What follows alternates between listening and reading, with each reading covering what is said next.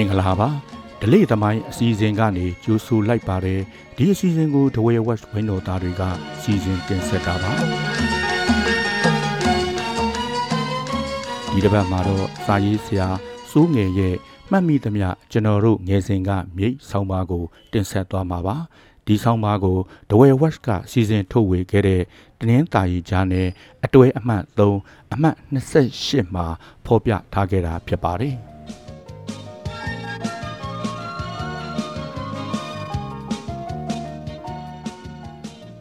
မှတ်မိသမျှကျွန်တော်တို့ငယ်စဉ်ကမြိတ်ကွယ်လွန်သွားပြီဖြစ်သော စာရေးဆရာကြီးမြတ်တန်းတစ်သည်မြိတ်မြို့သို့1989မှာတစ်ကြိမ်1988မှာတစ်ကြိမ်ရောက်ရှိလာပြီးငွေတောင်ရန်ဟွန်ဒါယဉ်ကျေးမှု မေရီပိုးဘေးနှင့်အီကွေတာညာများဟူသောခရီးသွားဆောင်းပါးတအုပ်ရေးသားပြုစုခဲ့လေသည်အဆိုပါစာအုပ်တွင်ဆရာမြတ်တန်းတစ်ကကျွန်တော်တို့မြိတ်မြို့ကို ဟွန်ဒါယဉ်ကျေးမှုထွန်းကားရာမြို့ဟု တင်စားခဲ့ပါသည်ထိုအချိန်ကကျွန်တော်တို့မြိတ်မြို့တွင်ဟွန်ဒါဆရာမြတ်တန်းတဲ့အတုံးနှုံးတိုင်းအစီး600ကျော်သာရှိပြီးယခုလိုမြို့လမ်းမများပေါ်၌ပြားပန်းခတ်သလိုမောင်းနှင်နေကြသောစိုက်ကယ်များကိုတွေ့ပါကဟွန်ဒါကဘာဟုတင်စားမလားမသိလက်ရှိမြို့လမ်းမများပေါ်ဥဒဟူမောင်းနှင်နေကြသောစိုက်ကယ်ဥယျာဉ်မှာကျွန်တော်တို့ငယ်စဉ်ကထက် အဆမတန်များပြားခဲ့ရပြီမဟုတ်လားဒါကလည်းတနေ့တခြားတရိပ်ရိပ်မြစ်တက်လာသောမြို့လူဦးရေကုန်းတဲ့ကုန်းစင်းနှင့်အကွေ့အကောက်များသလောက်ကျင်းမြောင်းလှသောမြို့ဤလမ်းမတွေကြောင့်ယခုလိုစိုက်ကယ်ယဉ်ကျေးမှုထွန်းကားလာခြင်းဖြစ်ပေလိမ့်မည်အကယ်၍ကျောင်းတုံးကပထဝီမှာတင်ခဲ့ရသလိုရေးပတ်လေဝိုင်းရံလျက်ရှိသောကုန်းမြေကိုကျုံးဟုခေါ်လျင်ကျွန်တော်တို့မြိတ်မြို့ကို ကျုံးမြို့လေးတစ်မြို့ဟု ပြောရပေလိမ့်မည်မြိတ်မြို့ကိုလေးဘက်လေးတံမှရေးပတ်လေဝိုင်းရံထားပြီးအနောက်ဘက်ရှိကပ်ပလီပင်လယ်မှလှေသင်းပေါ်များအတားအဆီးမရှိ ဝင်ရောက်ဆိုက်ကနိုင်သောမြို့တစ်မြို့ဖြစ်သောကြောင့်18ရာစုတွင် ထိုင်းကမြိတ်ကိုတိမ့်ပိုက်ကစိတ်ကမ်းမြို့အဖြစ်အသုံးချခဲ့လေသည်1959ခုနှစ်ရောက်မှ အလောင်းမင်းတရားကမြိတ်မြို့ကိုပြန်လည်သိမ်းပိုက်က မြမပိုင်းတဲ့အတွင်းစော့ဆွင်းခဲ့လေသည်ထို့သို့ရေလန်းခရီးမှအတားအဆီးမရှိဝင်ရောက်နိုင်သော စိတ်ကမ်းမြို့တစ်မြို့ဖြစ်သောကြောင့်မြိတ်မြို့သည် ထိုင်းမောင်ခုကုံစီများတထောက်နားရာဂျားစခန်းတစ်ခုဖြစ်ခဲ့ပူပါသည် ကျွန်တော်တို့ငယ်စဉ်ကမဆလာခစ်ကထိုင်းမှအာဂျီနိုမိုတိုအချို့မှုအာချီမိတ်က SB Plastic 8 Flamigo 36ခောက်ထီအစရှိသည့်မှောင်ခို ကုံစီများမှာမြိတ်မြို့သို့တပွဲပွဲရောက်လာပြီးမြိတ်မှ9နှစ်ရောဘာကို ထိုင်းနိုင်ငံသို့မှောင်ခိုဆက်လေကလေးများဖြင့်တွားရောက်ရောင်းချကြလေသည် ထို့ကြောင့်18ရာစုကမြိတ်မြို့မှာမဟာမေဒင်ဂုံတယ်များတရုတ်ဂုံတယ်များဒက်ဂုံတယ်များအင်္ဂလိပ်ဂုံတယ်များခြေချင်းလိန်နေကြသလို20ရာစုနောက်ပိုင်းတွင်လည်းအနေနဲ့အရရမှမုံခုဂုံတယ်များ ကယ်ရီသမားများလာရောက်ကျဆာကြလေသည် ထို့သောမြိတ်မြို့သို့ရေလန်းခီးမှဝင်ရောက်လာကြသော ထိုင်းမောင်ခိုပစ္စည်းများကိုရန်ကုန်သို့တလွယ်တဆွဲတဲဆောင်သွားတာတောင်ခီးစိတ်တော်အသာလေးကာမိလေသည် ထို့ကြောင့်ထိုခေတ်ထိုအချိန်ကရန်ကုန်တက္ကသိုလ်မှာပညာစည်းပူးနေကြသောမြိတ်ကျောင်းသားများမှာမှောင်ခိုကုံတယ်တစ်ပိုင်းဖြစ်ကုန်ကြလေတော့သည် ယခုလိုမှောင်ခိုလုပ်ငန်းကိုအကြောင်းပြုပြီးစိတ်ငယ်နှင့်ဒလိုင်းစုရက်ွက်တွင်စလုံကုန်းဟူသော နေရာလေးတစ်ခု ပေါ်ပေါက်လာခဲ့ရခြင်းဖြစ်တန်ရ၏စလုံကုန်းဆိုသောနေရာမှာစိတ်ငယ်ဘောရဒအနီးရှိလှေသင်းချိုင်းကိုဆိုလိုခြင်းဖြစ်ပါသည်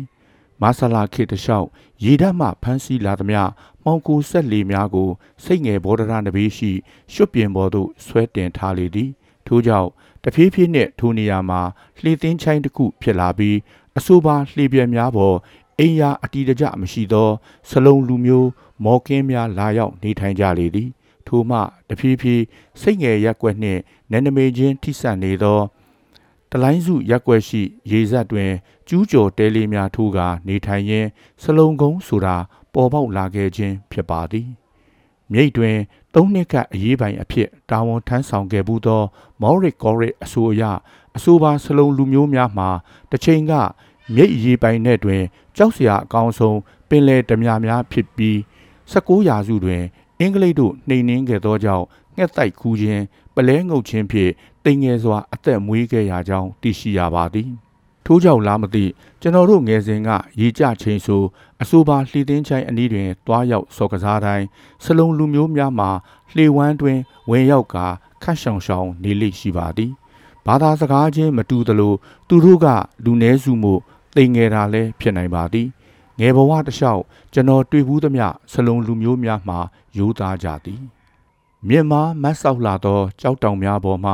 တက်ဆွတ်ဆန်းဖျားခူးယူခဲ့သောငှက်သိုင်များငါးကြီးအံဖန်များရေငုပ်ရှာဖွေခဲ့ကြသောပလဲများကိုမြမာများကဈေးနှိမ်ဝယ်လဲဘာမှစောရကမတက် တချို့ပါနတ်သောမြမာများကစလုံးလူမျိုးများကိုဘိန်းကျွေးကာပလဲငုတ်ခိုင်းကြလေသည်ယခုလိုဘာအကူကရိယာမှမပါဘဲရင်ငုံခြင်းဘိန်းဆွဲခြင်းတန်ကြောင့်စလုံးအမျိုးသားအများစုမှာနားထိုင်းကအသက်60အထိနေရဖို့ခဲရင်လှပေသည်ယခုတော့စိတ်ငယ်ဘောဒရာနဘေးမှာအင်ယာမီအကွယ်များဖော်ထုတ်ပြီးအဆောက်အအုံများဆောက်လုပ်ခဲ့သောကြောင့်စလုံးကုန်းမရှိတော့ပေကျွန်တော်တို့ငယ်စဉ်ကကမ်းနားလမ်းမှာစိတ်ငယ်မှ ကွက်တဲ့ရက်ွက်အထိသာရှိပေမဲ့နောက်ပိုင်းအင်ယာမီအကွယ်များဖော်ထုတ်ခဲ့သောကြောင့်ကမ်းနားလမ်းမှာတမျောတခေါ်ရှိလျားခဲ့လေပြီထို့အတူကမ်းနားလန်းတလျှောက်ရှိကုတ်ကိုဗီနန်းကြီးလဲနဝတစစ်အစိုးရလက်ထက်မှာဇီဝိန်ချုပ်ခဲ့ရသလိုရေနံကြီးဝနေသောနှစ်ထပ်ဖက်မိုးပြင်းထောင်အိမ်များနေရာတွင် အထက်မြင့်တိုက်တာအဆောက်အအုံများစားထိုးနေရာယူကြလေပြီ၎င်းအပြင်တစ်ချိန်ကမြို့လမ်းမများပေါ်ဥဒဟူမောင်းနှင်လျက်ရှိသော B360 B600 3B 4B ကားများနေရာတွင်ပါဂျေရိုအာရာဖတ်အစရှိသည့်ဇိမ်ခံကားများအစားဝင် မောင်းနှင်နေကြပြီကျွန်တော်တို့မြိတ်မြို့နှင့်ပတ်သက်ပြီးလူသိများသောအရာတစ်ခုမှာတိန်တော်ကြီးကုန်းတော်ပေါ်ရှိတရေ6တီဆိုသောအရေးပိုင်မော်ရီကော်ရစ်၏အိမ်ဟောင်းကြီးဖြစ်ပါသည်ထိုအိမ်အကြောင်းကိုကော်ရစ်ကမြမပြည်အတွင်းပိုင်းဟူသောစာအုပ်တွင် တောင်ကုန်းပေါ်မှတစီချောက်သောအိမ်ကြီးဟုတခုတ်တရထည့်ရေးခဲ့ပါသည်အဆိုပါစာအုပ်တွင်ကော်ရစ်နှင့်သူ့မိတ်ဆွေဘယ်လ်ဂျီယမ်ပကြီးဆရာတို့တာမကသူကလေးနှင့်အင်စီတို့ပါတစီအချောက်ခံရပုံကို ရေးသားခဲ့လေသည်ဤအင်ကြီးသည်တမျိုးလုံးကိုစီးမြင်နိုင်သောတောင်ကုန်းထိပ်တွင်တည်ရှိပြီးအထူးသဖြင့်ရေလန်းခရီးမှဝင်လာသမျှလှေများကို အတိုင်းသားမြင်တွေ့နိုင်သောကြောင့်ပထဝီအနေအထားအရမဟာဗျူဟာမြောက်တလောက်အချက်အခြာကြာလှပေသည် ကောရစ်အဆိုရ18ရာစုကမြိတ်ရေပိုင်ထဲတွင်ကျက်စားခဲ့သော ပင်လယ်ဓမြဆမ်မြူရယ်ဝိုက်နှင့်မြိတ်အရေးပိုင်အဆက်ဆက်မှာဤအိမ်ကြီးပေါ်မှမြိတ်မြို့ကိုစိုးမှုအုပ်ချုပ်ခဲ့ကြသောဟုလိုအဆိုပါအင်ကြီးဤနဘေးတောင်ကဘာစွန်းတွင်ဆင်မြူရယ်ဝိုက်ကအမြောက်တပ်တစ်ခုထားရှိကာမြိတ်ပင်လယ်ပြင်ကိုဘူကျစိုးမှုခဲ့လေသည်ကျွန်တော်တို့ငယ်စဉ်ကအဆိုပါအိမ်ဟောင်းကြီးအနီးတွင် အမြောက်ဆံများတူးဖော်တွေ့ရှိခဲ့မှုပါသည် အဆိုပါအမြောက်ဆံများမှာဒုတိယကမ္ဘာစစ်လက်ကျန်လားဒါမှမဟုတ်ဆမ်မြူရယ်ဟွိုက်၏အမြောက်တပ်မှအမြောက်ဆန်လားဆိုတာမြည်သူမျှတိတိပပမခွဲခြားတတ်ပေကောရစ်မှာအဆိုပါအင်ဂျီ၌နေထိုင်ရင်းမြိတ်မြို့ကိုနောက်ခံထားသော Siamese White ဝတ္ထုကိုရေးဖို့စိတ်ကူးရခဲ့လေသည်အဆိုပါအင်ဂျီမှာကဘာလှည့်ခရီးသည်များ အထူးစိတ်ဝင်စားသောအိမ်တအိမ်ဖြစ်ပြီးလက်ရှိအချိန်တွင်မူရင်းလက်ရာအတိုင်းပြန်လည်ပြုပြင်မွမ်းမံထားလေသည်ကျွန်တော်တို့ငယ်စဉ်က